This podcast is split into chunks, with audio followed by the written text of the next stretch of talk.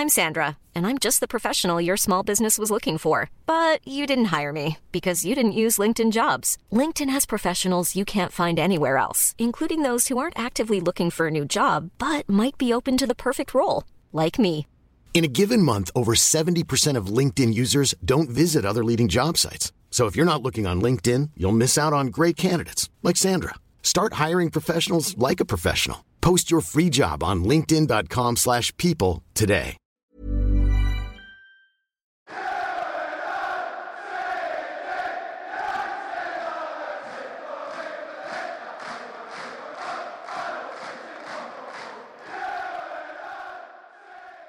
Halo Sobat Kardus, fans MU, selamat datang di GGMU. Uh, gue yakin kalian uh, bit kecewa tapi bit seneng juga karena at least Semarang MU tidak menghasilkan apa-apa ya. Selain dari berita-berita yang mungkin kalian baca di Twitter terkait dengan uh, banyaknya apa ya uh, die hardnya United lah. Rata-rata Mancunian yang memang bukan rata-rata semuanya kayak I think ya yang memang masuk ke dalam uh, Old Trafford gitu kan bahkan di Hamin dari mulai Hamin dua jam sudah uh, mengantri ya di di depan Old Trafford hingga kemudian mereka bisa masuk gitu kan Itu Uh, acara apa ya? Bukber ya? Mayday kayaknya Mayday Mayday Oh. Enggak bro itu menyambut Cavani perpanjangan kontrak. Sebut kapan bener juga ya menurut Saung ya Iya. Gila, gila. disambutnya tapi agak ngeri juga tapi Om ya Ngeri banget. Kasihan dia main nggak pernah ada penontonnya, nggak ada fansnya, sekali ada fansnya begitu. aja. Aduh, aduh anjir, anjir. Dan dan gue merasa kayak apa ya? Gue ngerasa kayak ketika kemarin tuh fans pada masuk ke dalam stadium, jadi gue seneng karena kayak it would be salah satu bentuk kayak global standing itu kan buat supaya Glazer akhirnya mencoba menjual. Tapi ya satu sisi buat orang-orang yang udah rela-rela eh, nunggu sampai jam setengah sebelas gitu kan eh, dan akhirnya nggak jadi ya sayang juga di kita nggak bisa punya tontonan gitu kan. Jadi ya gue nggak tahu kalian sebelum kita masuk ke dalam fakta dan eh, data yang mungkin nanti bisa gue sebar gitu perihal terkait dengan match semalam yang nggak jadi apa yang bisa kalian petik dari adanya fans yang eh, fans yang boleh masuk ke dalam Old Trafford? Ini hikmah berarti ya. ya lesson learn lah Em, gue sebenarnya em, lebih ke senang sih ketika ternyata pada akhirnya ada sebuah pergerakan masif yang bisa masuk menerobos ke stadion. Itu kan menurut gue sebuah apa ya bisa dibilang gejolak gitu. Yang pada akhirnya pertama kalinya dalam belasan tahun kalau nggak salah 16 tahun ya itu Mhm. ada fans sekelompok fans yang atas nama gue gue juga sempat eh, sampai baca ada suratnya gitu. Manchester United Supporters Trust itu membuat sebuah press release kepada Joel Glazer gitu. Iya, benar. protesnya itu gua mungkin beberapa dari kalian juga udah pada baca gitu. Dan itu juga di intinya adalah ya mereka itu ingin dilibatkan sebenarnya. Mereka ingin dilibatkan dalam beberapa kebijakan dan segala macam intinya lebih dirangkul dibanding seperti yang sekarang kayak seolah mereka itu ya benar-benar se- se- seperti kelompok kapitalis yang ingin menang sendiri, mengambil keuntungan sendiri kayak gitu sih. Dan somehow gue merasa bahwa untuk pertama kalinya kita melihat bahwa ya inilah terjadi gitu sampai pada akhirnya match sebesar MU Liverpool itu bisa sampai postpone. Itu kan sebuah kegilaan ya. Gua nggak tahu Hmm. sih ada nggak ya eh, kejadian-kejadian serupa yang pernah terjadi kayak gini. Kayaknya belum sih menurut Belum gue. ya? Nggak tahu sih kalau di di match-match yang, yang lain ya, maksudnya di benua lain gitu. Mm. Cuman untuk di Liga Inggris mungkin ini adalah salah satu momen yang cukup bersejarah ya di di apa di Liga Inggris gitu. Karena this is one of the biggest match of the season gitu kan.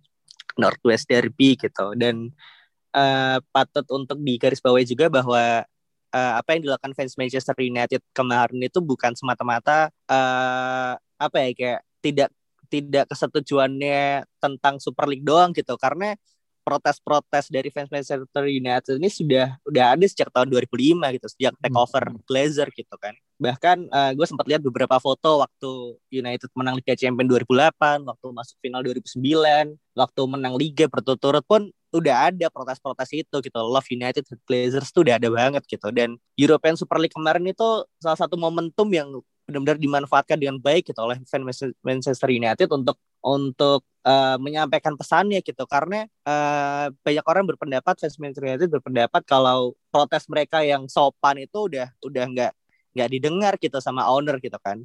Dan bagaimana cara mereka untuk menyampaikan pesan tersebut ya dengan disruptif itu cara-cara tersebut gitu. Dan uh, banyak uh, pundit yang apa menilai ini kayak suatu pergerakan yang hebat gitu. Gary Neville juga setuju sama pergerakan ini. Jamie Carragher pun juga gitu. Karena uh, ini benar-benar suara fans yang yang direalis direalisasikan gitu.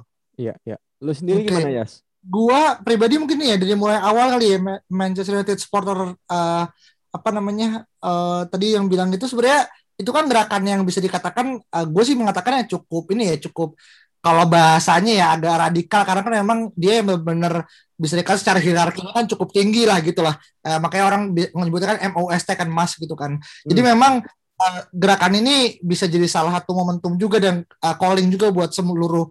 Dan gue nggak ya gue nggak kaget ya kalau misalkan beberapa fans di luar dari MU melakukan hal sama gitu kan. Karena yang kalau misalkan tadi lu tanya apakah uh, ada gerakan seperti ini yang sampai mempospon pertandingan mungkin belum tapi yang agak similar dengan kita ya apa yang dilakukan sama fans Chelsea dan Arsenal di beberapa minggu silam gitu kan ya. Bahkan ya, betul. kemudian uh, turun tangan. Tapi kan itu tidak sampai membuat akhirnya uh, pertandingan dibatalkan gitu kan. Nah, masalahnya kan ini sampai dibatalkan dan bahkan yang akhirnya gue lihat adalah momentum di Twitter tuh kepecah dua gitu kan. Kepecah yang akhirnya uh, menyayangkan pertandingan gagal tapi juga di satu sisi ini adalah momentum titik balik untuk bahwasanya ya football is not all about the business gitu. Football adalah terkait dengan passion dan itu ditunjukkan sama fans MU dengan kemudian dia melakukan pitch inviting ini kepada ke dalam uh, Old Trafford gitu.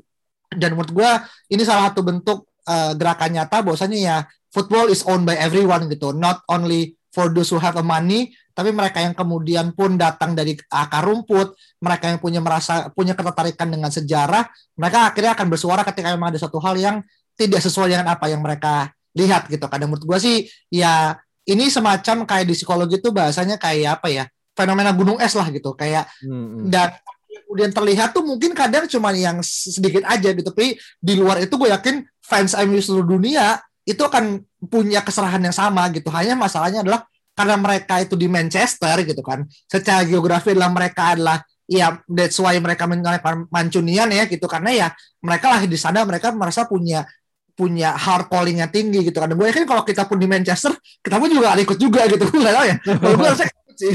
Iya iya iya. Kan pasti kan karena yang menurut gue that's that's local pride lah buat mereka gitu kan. Jadi ya menurut gue sih it's always good lah uh, untuk mereka gitu kan. Nah cuman gini uh, yang akhirnya jadi seru adalah nggak cuman uh, pandit doang yang kemudian ikut uh, ambil bicara ya, tapi sekelas Boris Johnson pun gitu kan, PM Inggris pun angkat bicara, dibilang kayak I don't I, I don't think this is a good idea to have disruptive behavior demonstration of that kind but one on the other hand I do understand people's time of feeling gitu hmm. jadi sebenarnya itu merasa kalau apa yang dilakukan fans itu agak sedikit berlebihan gitu kan mungkin ada tendensi untuk kemudian merusak kemudian kayak melakukan yeah, yeah. anarki dia juga bisa merasakan kalau emang ini adalah hal yang kemudian menjadi attachment kuat kepada kepada apa namanya uh, bahasa apa sih kalau misalkan uh, dulu tuh kalau misalkan gangster Inggris yang pakai dogma apa hooligan ya hooligan hmm. itu kan benar dia bisa sangat paham jadi menurut gue sih ya memang ya nggak nggak nggak kaget kalau emang sekelas Boris Johnson pun kemudian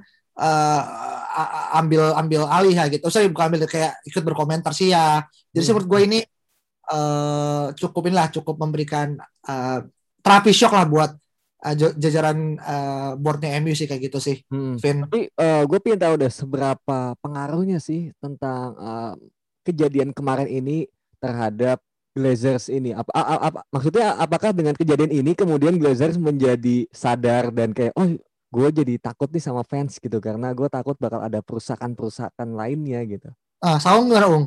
Ini ini menarik sih. Gue sempat kepikiran kemarin uh, mungkin akan ada sedikit uh, shock terapi gitu ya ke owners gitu bahwa pesan-pesan yang disampaikan oleh fans itu kan mereka selalu bilang kayak we decide when you play gitu kita yang nentuin lo main gitu kan mm -hmm. tapi uh, sepak bola sekarang kan nggak cuma sekedar lo datang ke lapangan terus main gitu kan ada beberapa elemen kayak uh, ada uh, stewardess juga gitu, ada match officiating juga, terus ada juga uh, sponsor dan lain sebagainya gitu kan. Dan uh, gue sempat baca berita juga sih tadi kalau uh, Glazer pun juga apa ya kayak they don't think they will sell the Manchester United stock gitu karena dia merasa punya apa ya kayak semacam perasaan kayak gue punya Manchester United nih gitu loh. Dan itu apakah hmm. dengan gerakan fans tersebut akan menggerakkan hati mereka? Gue rasa tidak ya. sulit gitu kan. Hmm. karena in the end money talks gitu. Kecuali kecuali mungkin pemerintah Inggris atau FA melakukan regulasi struktural kepada kepemilikan klub di Liga Inggris gitu. Karena uh, gue sempat lihat banner-banner juga yang di yang dimau sama fans itu kan 50 plus satu itu kan sama seperti yang ada di Bayern Munchen gitu loh di mana saham kepemilikan klub itu kembali ke fans gitu. Dan ini uh, eh, gue rasa sih sah-sah aja gitu karena melihat inkapabilitas uh, owner dan juga para pejabat-pejabat di Manchester United itu yang yang nggak ngerti bola gitu. Jadi sangat bisa dipahami gitu uh, gerakan Manchester United kemarin. Cuman apakah dapat membawa perubahan yang semasif itu yang tiba-tiba Glazer menjual? Gue rasa enggak. Kalau nggak ada dorongan dari pemerintah menurut gue sih gitu. Hmm, apa harus dilempar dulu rumahnya sama ini ya Molotov kayak Ed Woodward kan awal musim kan? Iya dan dia nggak pernah ada di rumah cuy ketika iya, dilempar, iya kan? Iya iya susah juga. Susah, susah ini posisi posisi yang sulit sih memang. Aduh, iya iya, uh, eh, gue gue setuju ya, maksudnya kayak apa? Tapi gini, maksudnya apakah itu kemudian membuat Glazer akhirnya, oh itu gue jual, menurut gue tidak segampang itu ya, karena kan ya kita harus berpikir ya kayak sudut pandang kita sebagai fans sudut pandang pemain sebagai sorry sudut pandang iya pemain dalam Pogba segala sebagai pemain dan Glazer sebagai pemilik kan pasti beda ya. Purpose-nya kan beda. Kalau kita kan emang enjoying football as in kita fans betul, gitu kan. betul pemain ya sebagai player juga sebagai pekerja. Mereka adalah im, ya, adalah employee basically gitu kan. Sedangkan ya Glazer ya sebagai pebisnis gitu. Ya jadi simple cara pandang kita memang menggunakan kacamata berbeda gitu kan. Nah, yang akhirnya tadi gue sempat baca juga, sorry, gue dengar juga dan menurut gue ini menarik juga sih poin view-nya dari Kuci, si Kuci ini menurut gue dia bahkan buat segmen uh, sendiri ya di dalam satu video yang terakhir dia bahas uh, dia upload tadi sore adalah kayak ya sebenarnya kalau emang kita pengen untuk kemudian Glazer akhirnya menjual uh, stoknya gitu kan, ya adalah dengan cara membuat mengosongkan uh, apa namanya uh, stadion gitu kan uh, tidak membeli tiket hmm. tidak menonton MU dan juga tidak membeli merchandise gitu. Dan itu akan berpengaruh pada ya akhirnya pada komersial yang kemudian didapat misalnya MU secara sponsor gitu kan. Jadi memang cara-cara seperti itu yang mungkin dianggap kurang heroik ya karena kayak ya tidak menunjukkan ada ekses tapi menurut gue itu cara yang menurut gue paling oke okay, gitu karena ujungnya money only only divide by money itself gitu loh Vin. Jadi lu nggak bisa kemudian mengalahkan uang dengan cara kekerasan gitu karena ya almost lagi ya uang akan menang. Tapi kalau misal lu mengalahkan uang dengan cara lu akhirnya men, men, mendiktis uang tersebut, I think it could be one of the reason. Tapi masalah adalah seberapa kuat sih kita fans MU nggak nonton MU kan menurut gue tuh satu hal yang gue yakin Glazer pun paham gitu psychologicalnya. Fans adalah ya they will die hard for apa it's club gitu kan no matter siapa pun yang kemudian take over atau seberapa jelek pun klub mereka tetap nonton. Jadi menurut gue sih sulit kalau emang tidak ada orang yang kemudian bisa bayar dia. Karena dia di sini gue baca dari Kieran Maguire uh, ini bilang kalau ya emang value-nya MU itu di uh, apa 2,2,5 billion uh, pound sterling gitu kan. Uh, dan menurut gue ya orang yang kemudian bisa ngebeli itu sangat-sangat yang bisa dikatakan sedikit lah yang memang punya ya. Dan gue belum lihat ada rumor-rumor kayak Arsenal yang mau dibeli sama pemilik Spotify ya. Uh, sekarang sih kayak yeah. ya udah ada aja yang kemudian berani untuk kemudian kayak stating di public. At least kalau yang kayak si siapa? Si pemilik Spotify kan dibilang kan sendiri kan di Twitter dia gitu loh. Ya menurut gue kita butuh orang-orang yang kemudian emang let's say not saying Elon Musk atau kemudian another apa namanya Arabian guy tapi at least siapa pun yang kemudian punya uang, I think itu bisa lebih menambah pressure juga sih buat Glazer gitu sih, Vin. Hmm, I see, I see. Terakhir Conor McGregor sih yang mau beli. Cuman nggak tahu deh. punya Greg. punya duit enggak. Jadi baku hantam nih nanti nih tim Lah, ya. Ntar yang direkrut pertama saya Ramos tuh, Bos. Iya bener. Sama Pepe. Bener, bener, bener. bener Aduh. cuman ya itu sih gue men- eh, menarik sih yang di yang dibilang Dias gitu dengan tidak membeli tiket dengan tidak membeli merchandise gitu kan. Cuman ini justru ini adalah momentum yang tepat gitu karena pandemi juga kan no one will buy the tickets gitu. Dan nggak ada yang belum belum belum ada kejelasan kapan fans juga bakal balik ke stadion gitu kan. Eh apa terus eh, masalah merchandise gitu tidak beli jersey-nya gitu kan gue sempat baca kalau penjualan jersey musim ini pun juga udah menurun berapa persen gitu dibanding tahun lalu. Dan yang ngomel-ngomel malah justru Adidasnya. Hmm, Karena- iya, iya, apa? Mm, ya kan mostly duitnya balik ke Adidas gitu. Mm, mm. dan eh, kenapa MU eh, owner ini pengen ngotot banget eh, Super League? Itu karena pertama karena pandemi dan kedua utangnya banyak banget si klub-klub ini. Dan ketiga karena eh, di musim seperti sekarang dua musim terakhir yang pandemi ini justru duit mereka tuh paling gede di TV right-nya cuy betul. Mm, mm. gitu loh. Karena kenapa mereka ngotot banget pengen bikin bikin segala macam karena TV rack-nya ini gitu. Karena penonton justru penonton layar kaca di seluruh dunia ini sumber duitnya gitu. Benar, benar. Setuju, setuju. Itu yang itu yang itu yang bikin posisi posisi Manchester United dan Glazer ini sulit gitu. Sulit lepas gitu. Mungkin salah satunya adalah ya ini cukup cukup tidak reasonable juga sih. Cuman ya nunggu orang yang mau beli beneran mau beli gitu Gua bener-bener mau take over si stoknya Glazer gua nggak tahu sih kalau misalnya yang mau beli ya, kalau cuma rumor-rumor sih kayak udah lama ya dari dulu kayak ada betul pangeran Arab lah, ada pangeran mana lagi gitu kan. Gua nggak tahu lah pangeran-pangeran mana gitu yang mau beli MU gitu kan. Cuma, Hmm. cuma pada intinya adalah selama juga kali. apa? Rockefeller. Ini ya JP Morgan yang beli tiba-tiba.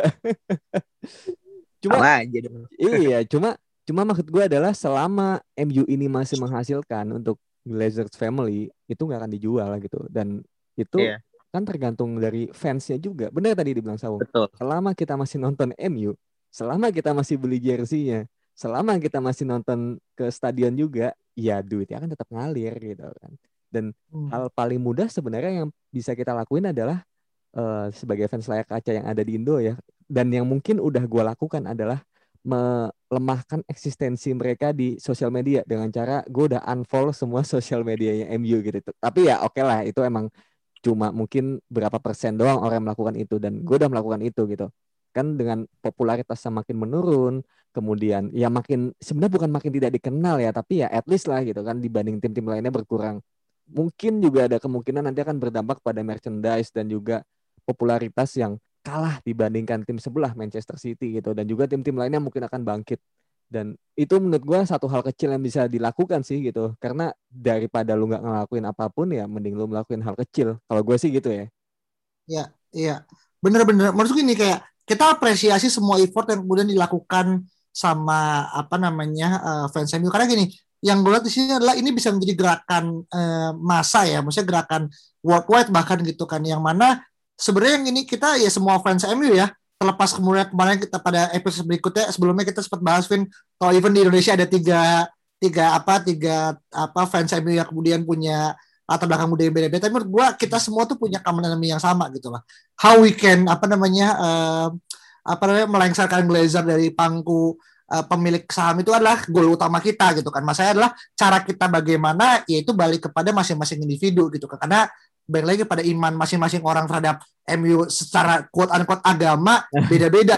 Ada yang dia benar-benar eh, so- apa rajin sholat lima waktu dengan cara beli merchandise, eh, Hmm. beli uh, subscription, terus juga kemudian making apa Old Trafford Tour segala macam. Menurut gua ya itu level keimanannya udah udah tinggi sampai bisa naik haji segala macam. Nah, bisa ke MU gitu kan buat orang-orang di luar Indonesia, kita di luar dari Manchester gitu. Tapi ya orang-orang kayak kita yang kemudian tidak nge-follow MU pun sebenarnya ya kita juga perlu appreciate gitu kan. Jadi nggak ada yang terlalu besar, terlalu kecil dalam kemudian menciptakan sebuah uh, perubahan menurut gue sih kita apresiasi banget gitu.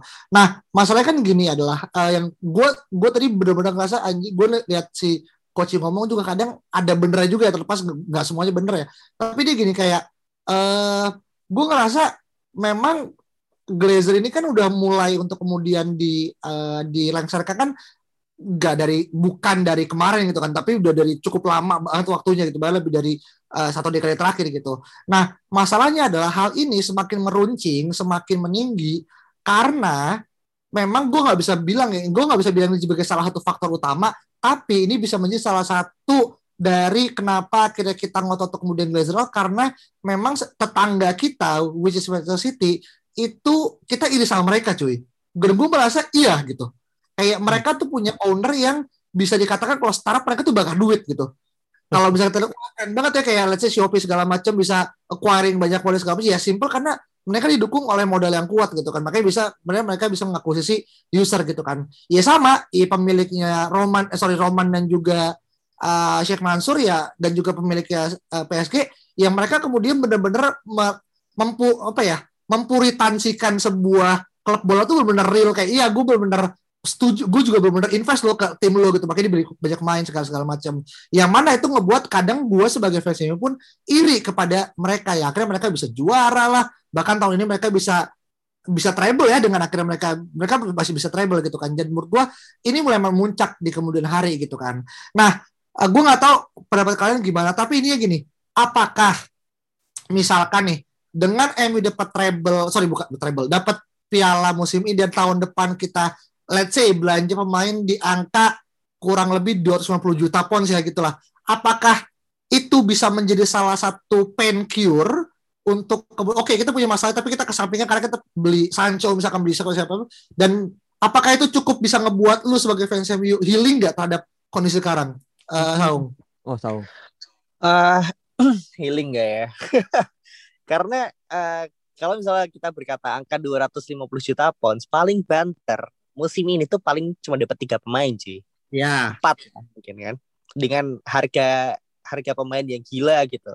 Dan uh, benar kita mungkin ada ada rasa iri dengan Manchester City gitu kan karena gimana ownernya membangun sebuah klub, membuat kayak City Group yang benar-benar gede gitu kan. Ada di uh, apa Amerika, ada di Australia. Itu mungkin masih masih terlalu jauh lah untuk untuk MU ke sana gitu. Karena kalau kita kita kan tahu berapa utang MU yang dibebankan. MU ini kan duit yang diambil dasar tuh 2,1 miliar cuy. Billion pounds man. Itu untuk membangun sebuah klub bola itu udah udah udah gila banget. Mungkin kita nomor satu sekarang. Dan gilanya MU adalah dengan kondisi ekonomi seperti ini kita masih nomor tiga cuy terkaya. Ya ya ya ya itu itu yang itu yang bikin gila. Memang memang secara value memang kita gede banget nih. Tapi secara bola secara sepak bola ini sebuah institusi sepak bola kita gue bisa bilang kita masih kalah strukturnya sama Leicester City cuy Leicester City itu dia bikin dia punya duit 80 juta pounds dari penjual Harry Maguire. Dia bikin training ground dengan kualitas yang benar tinggi gitu. Dia punya uh, pemilik yang benar care sama sepak bola gitu kan. Uh, almarhum si yang meninggal itu saat itu. Hmm. dari Thailand King Power itu. Hmm. dan kita bisa lihat prestasi Brendan Rodgers sekarang seperti apa ngebawa Leicester City kan. Itu itu yang yang yang fans uh, apa ya longing gitu. Kayak klub bola gue tuh bisa bahkan lebih dari bisa untuk untuk untuk settle lagi di peringkat satu dua satu dua gitu loh bahkan untuk stay on the top itu itu bisa banget kayak kita nggak harus merasa was-was setiap musimnya kita bisa top 4 nggak ya gitu segala macam mungkin memang dengan kita beli Sancho kita beli Halan mungkin atau Kane segala macam itu akan menjadi bisa pelipur laras sedikit gitu. Cuman ketika nanti kita fail, kita akan baik lagi ke posisi ini. Benar, benar. Gali lubang tutup lubang pada akhirnya. Sama, sama. Gue sempat baca kemarin waktu ribut-ribut juga. Uh, gue baca di mana ya, Daily Mail atau mana gitu. Uh, Glazer mempersiapkan uh, anggaran budget yang besar untuk oleh Gunnar Solskjaer di bursa musim panas uh, karena uh, apa ingin menunjukkan kalau mereka mereka tuh backing the club gitu. Cuman ya sulit, men. Sulit nggak nggak akan mereka mungkin kayak Sancho datang tuh harusnya udah dari musim lalu gitu loh. ya kan itu itu hal-hal kecil yang mungkin uh, sebagian besar orang kayak oh MU bisa lah beli musim depan lagi gitu. Cuman sebenarnya tuh bisa, kita punya duitnya dulu, cuman nggak mau aja. Hmm, hmm. dan mungkin gitu. uh, kalau gua tambahin ya, yang menjadi kekesalan fans MU itu kan karena MU ini dibeli dengan hutang, ya kan? Ya. 2005 dibeli dengan hutang dan kemudian hutang pribadi itu menjadi hutang klub. Yang tadinya MU tanpa hutang tiba-tiba hutangnya jadi hutang klub. Kan anjing ya gitu. Udah hutang klub kemudian dibayarnya pakai revenue tim juga gitu. Jadi tim berprestasi untuk membayar hutang mereka. Itu sebenarnya ya dari kacamata pebisnis itu brilian banget. Ya enggak Ya. ya kan? Brilian banget kan. Tapi sebagai football institution kita dari kacamata fans kita nggak terima ini tim kenapa jadi begini? Gitu kan anjing banget gitu. Gitu. Hmm. dan juga tidak apa ya nggak di running dengan baik gitu pada akhirnya. Kayak fokusnya adalah bagaimana menjaga neraca keuangan supaya tidak minus setiap tahunnya kan. Tetap plus plus Betul. tetap apa eh, apa surplus dan supaya kemudian em, apa hutang-hutang tersebut bisa makin kecil dan ya semoga juga tidak bertambah. Kan sebenarnya itu. Cuma pada akhirnya dari hal-hal itu kan jadi tidak bisa dialokasikan untuk hal-hal yang mungkin lebih football gitu loh. Kayak misalnya tadi kalau misalnya Leicester membangun sebuah training ground atau lebih masif lagi kayak Man City misalnya untuk ekspansi klub di benua-benua lainnya untuk mendapatkan talenta-talenta dari segala benua itu itu kan berarti mindsetnya udah beda tuh. Mindset untuk sepak bola juga dan juga mindset untuk ya lu mau uang doang gitu loh ya kan Betul. Ben- menurut gua itu sih. Jadi kalau misalnya eh, ditanya apakah ketika musim depan nanti dikasih duit 250 atau bahkan 300 400 ya itu cuma apa ya?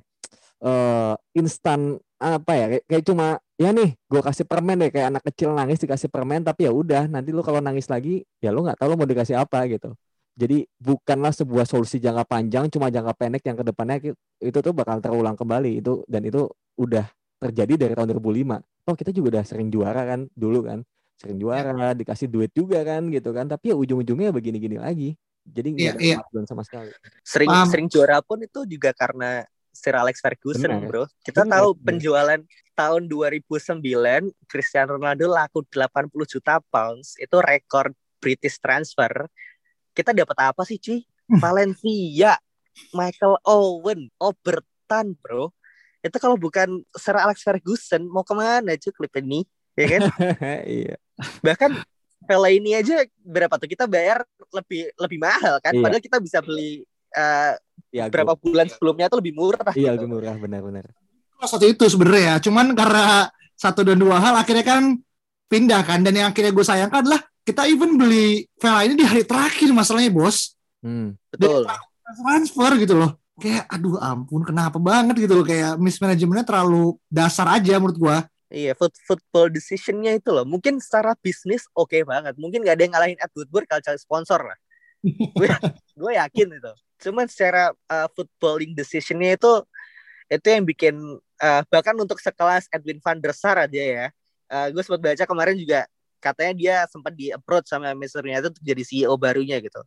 Cuman dia bilang uh, Manchester United ini mau cari CEO yang seperti apa gitu. Gue adalah CEO yang terstruktur gitu. Yang yang benar-benar footballing institution banget nih. Nah MU tuh cari CEO yang seperti apa dia pun nggak yakin dia akan bisa menjadi CEO di Manchester United gitu. Karena pengaruh dari ownernya tuh gede banget gitu. Dan dia gue yakin Edwin van der Sar pun nggak mau jadi papatnya Glazer juga gitu. Hmm. Iya.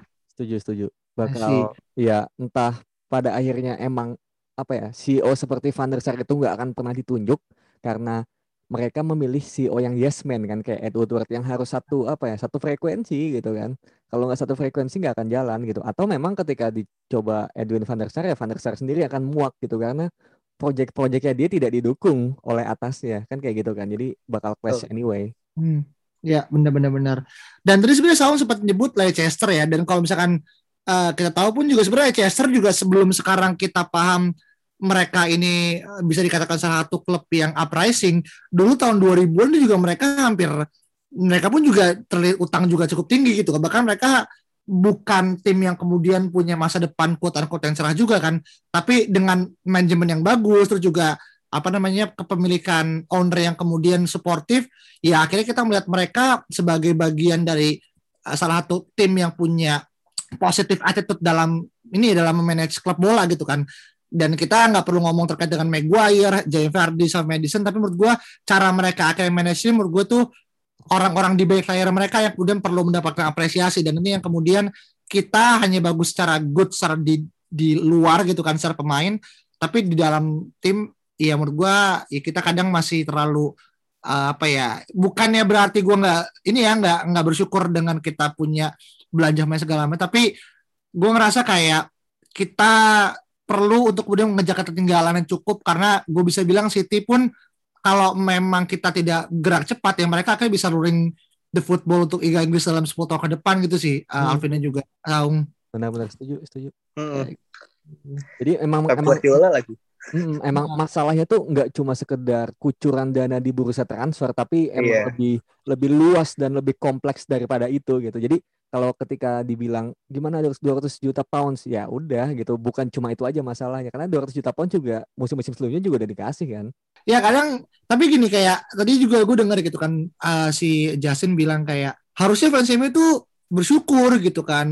Lihat tuh fans Arsenal gitu. Boro-boro kita per tahun bisa dapat uh, belanja pemain yang kayak lu beli Miguel 80 juta, lu beli flat 60 juta segala macam. Nah, apakah lu sebagai fans MU nih, terutama Alvin dan juga Ah. Saung kayak uh, lu merasa bersyukur nggak sih after all dengan melihat dari dibandingkan kalau compare compare ke tim-tim let's say kayak Liverpool, kayak Arsenal, Tottenham, terus juga beberapa tim-tim di luar dari apa namanya MU yang kemudian mereka pun struggling dengan pemilik yang cukup apa tidak sportif juga gitu. Iya, buat gua nggak itu nggak apple to apple cuy kalau kalau bandingin MU sama Arsenal itu kelasnya udah beda. There's yeah, there's there's reason why Manchester United is Manchester United and Arsenal is Arsenal, man. We have standards, ya kan? Iya, kalau kalau lu bandingin sama Arsenal ya, come on, itu start aja udah beda gitu loh. Kayak eh, sama aja kayak kita tuh bandingin karir gua sama orang yang udah 28 tahun yang udah jadi manajer. Ya nggak bisa cuy gitu kan. Startnya udah beda. Jadi kalau mau bandingin ya kita harus yang sama sekelas seperti Bayern Munchen, Real Madrid, Barcelona itu menurut gua bandinginnya. Jangan bandingin sama kelas yang di bawahnya lagi gitu.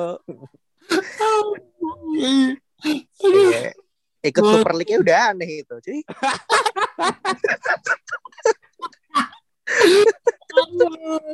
Aduh. Ada tim yang Arsenal Jones Play kayaknya udah aneh. udah aneh itu makanya. Sul- sulit, sulit. Eh, Apa? ya it's it's not our problem lah kalau mereka mikir gitu ya. ya, they can watch lah. Ya, oke oke oke. Oke, ini balik sedikit ke apa pertandingan eh, yang ditunda kemarin dan menurut jadwal eh, kalau apa namanya eh, eh, ini bakal ditunda dan juga pindah ke tanggal 12 atau 13. Emang iya? Ja- Udah ada. Ya, gue lihat di nanti jurnal sih uh, ada udah bisa diperkirakan ya. Tapi ini pun juga masih dalam konteks uh, in confirmation karena di tanggal segitu Liverpool juga ada ketemu sama WBA gitu kan. Jadi memang ini lagi lagi apa lagi um, ini lagi deal lah untuk terkait dengan jadwal. So tetap masih kita perlu nunggu terkait dengan jadwal resmi. Tapi uh, terkait dengan uh, reassignmentnya itu udah Hmm. Minggu depan kita baru bisa. Ini karena kalau minggu ini kan uh, apa namanya udah ada jadwal juga karena mungkin Iya, kayak iya. saat dalam satu minggu main tiga kali gitu kan. Kayak terlalu ini juga buat fans gitu. Dan gua gua somehow agak bersyukur ya beneran ini match eh, lawan Liverpool dipospon. Karena eh, somehow gue pingin MU itu fokus dulu nih lawan Roma nih kelarin dulu. Kemarin udah 6-2 kemudian nanti leg 2 nih dikunci dulu nih. Nah ketika udah dikunci nih skornya dan kita udah ya insya Allah ya masuk ke final barulah udah kita fokus ke liganya gitu. Gue pingin berarti dikunci dulu nih Roma nih. Tapi menurut lu emang 6-2 nggak nggak nggak kurang mengunci Vin? Lu mau ngunci berapa lagi mak? Sama gue masih punya trauma-trauma kecil lah di musim-musim sebelumnya lah. Jadi gue tetap lah jangan, apalagi punya trauma pribadi ya yang sepertinya sudah selangkah di depan tapi ternyata dijatuhkan begitu saja. Jadi kayak wah nggak bisa sih. Gue ingat Roma sempat comeback lawan Barcelona kan kalau salah di Camp Nou. Betul. Itu agak traumatik sih mungkin. Jadi harusnya bisa kunci minimal 6 gol lagi lah. Buset. Aduh anjir 6 gol lagi ya. Kita itu tim pertama di Eropa bro yang ngegolin 6 gol di semifinal kan. Ya kan? Eh, dan kalau gue boleh sedikit ngepropaganda olein LST ya, LST ya. ya kan O- Ole ini dia berhasil ngegolin 5 gol selisih 5 gol 5 gol ke atas lah itu 9 kali men selama dia masa masa per, masa manajerialnya ya dibandingkan Hmm. empat manajer sebelumnya cuma dua kali. Oke. Hmm. Ya, ini ini adalah ini adalah momentum kan dengan adanya fans kemarin yang menyerbu Old Trafford akhirnya Liverpool apa MU Liverpool ditunda akhirnya pun kita bisa fokus melawan Roma gitu kan. Ini mungkin sebenarnya adalah eh, grand scheme-nya adalah membuat MU mencapai ke final sebenarnya mungkin ya. Berarti ini jangan-jangan demo kemarin disupport oleh Ole jangan-jangan secara dana ini.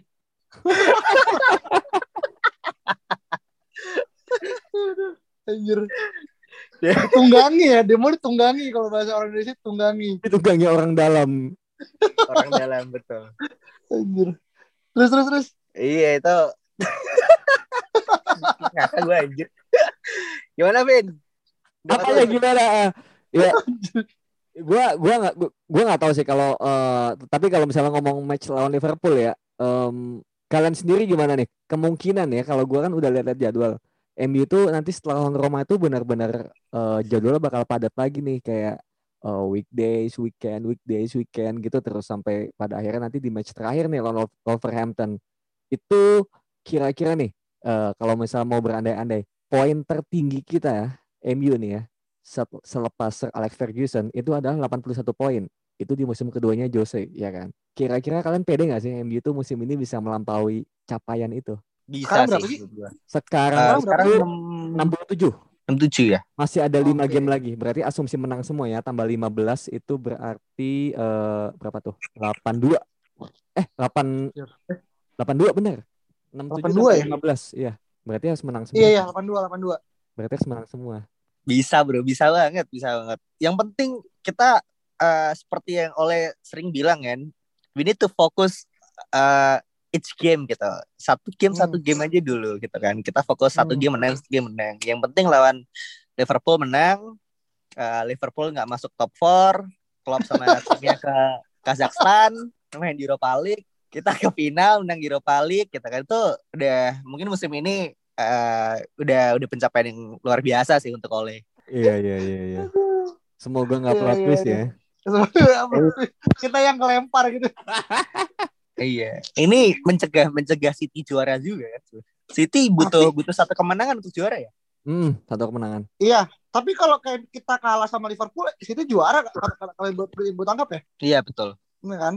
Ya, sebenarnya ini kayak ini sih kayak menunda bom waktu aja sebenarnya buat City. Menurut gue ya kayak to be honest, dia nggak akan kepleset mau dia fokus minggu depan lawan siapa lawan eh minggu ini sorry minggu lawan uh, PSG pun gue yakin dia apalagi kemarin dia menang kan 2-1 lawan eh 2-0 apa lawan lawan Crystal Palace ya? Dua nol. Yang Ah, di mana iya. Dua kosong. Ka- Aguero kaget ya gue tiba-tiba golin lagi menurut gue kayak ya, ya dia emang simple too good to be true aja sih menurut gue sih tahun ini sih Iya betul betul. Untuk yes kita sempat sempat bersorak sorai lah ya kan.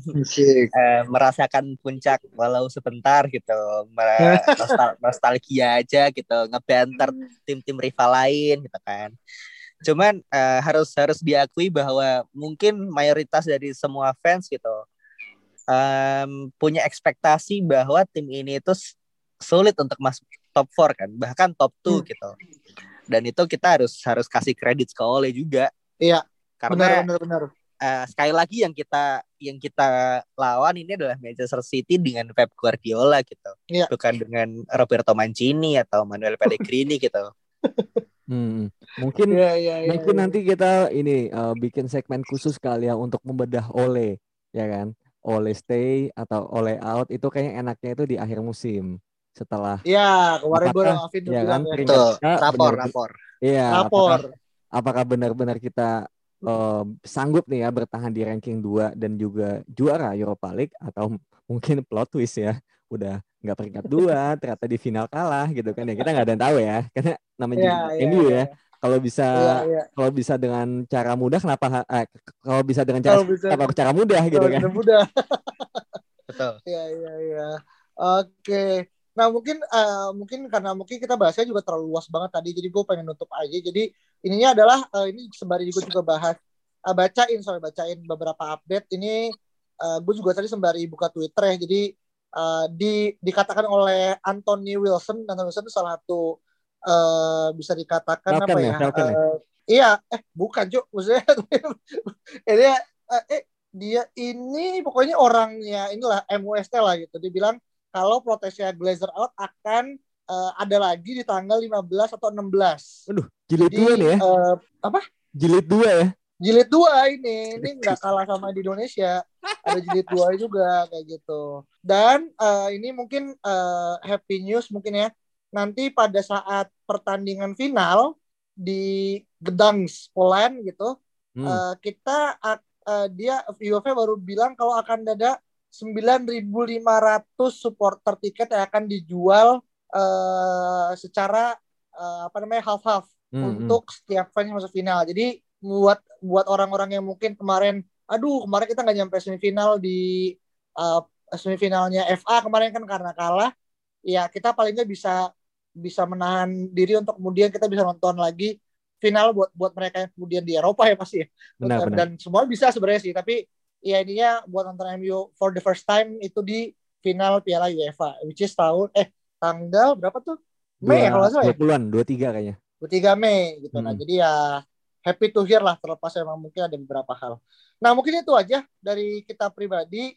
Uh, thank you so much sudah dengerin, dengerin terkait dengan uh, Glazer apa namanya Invader Movement dan sampai jumpa di episode berikutnya. Dadah.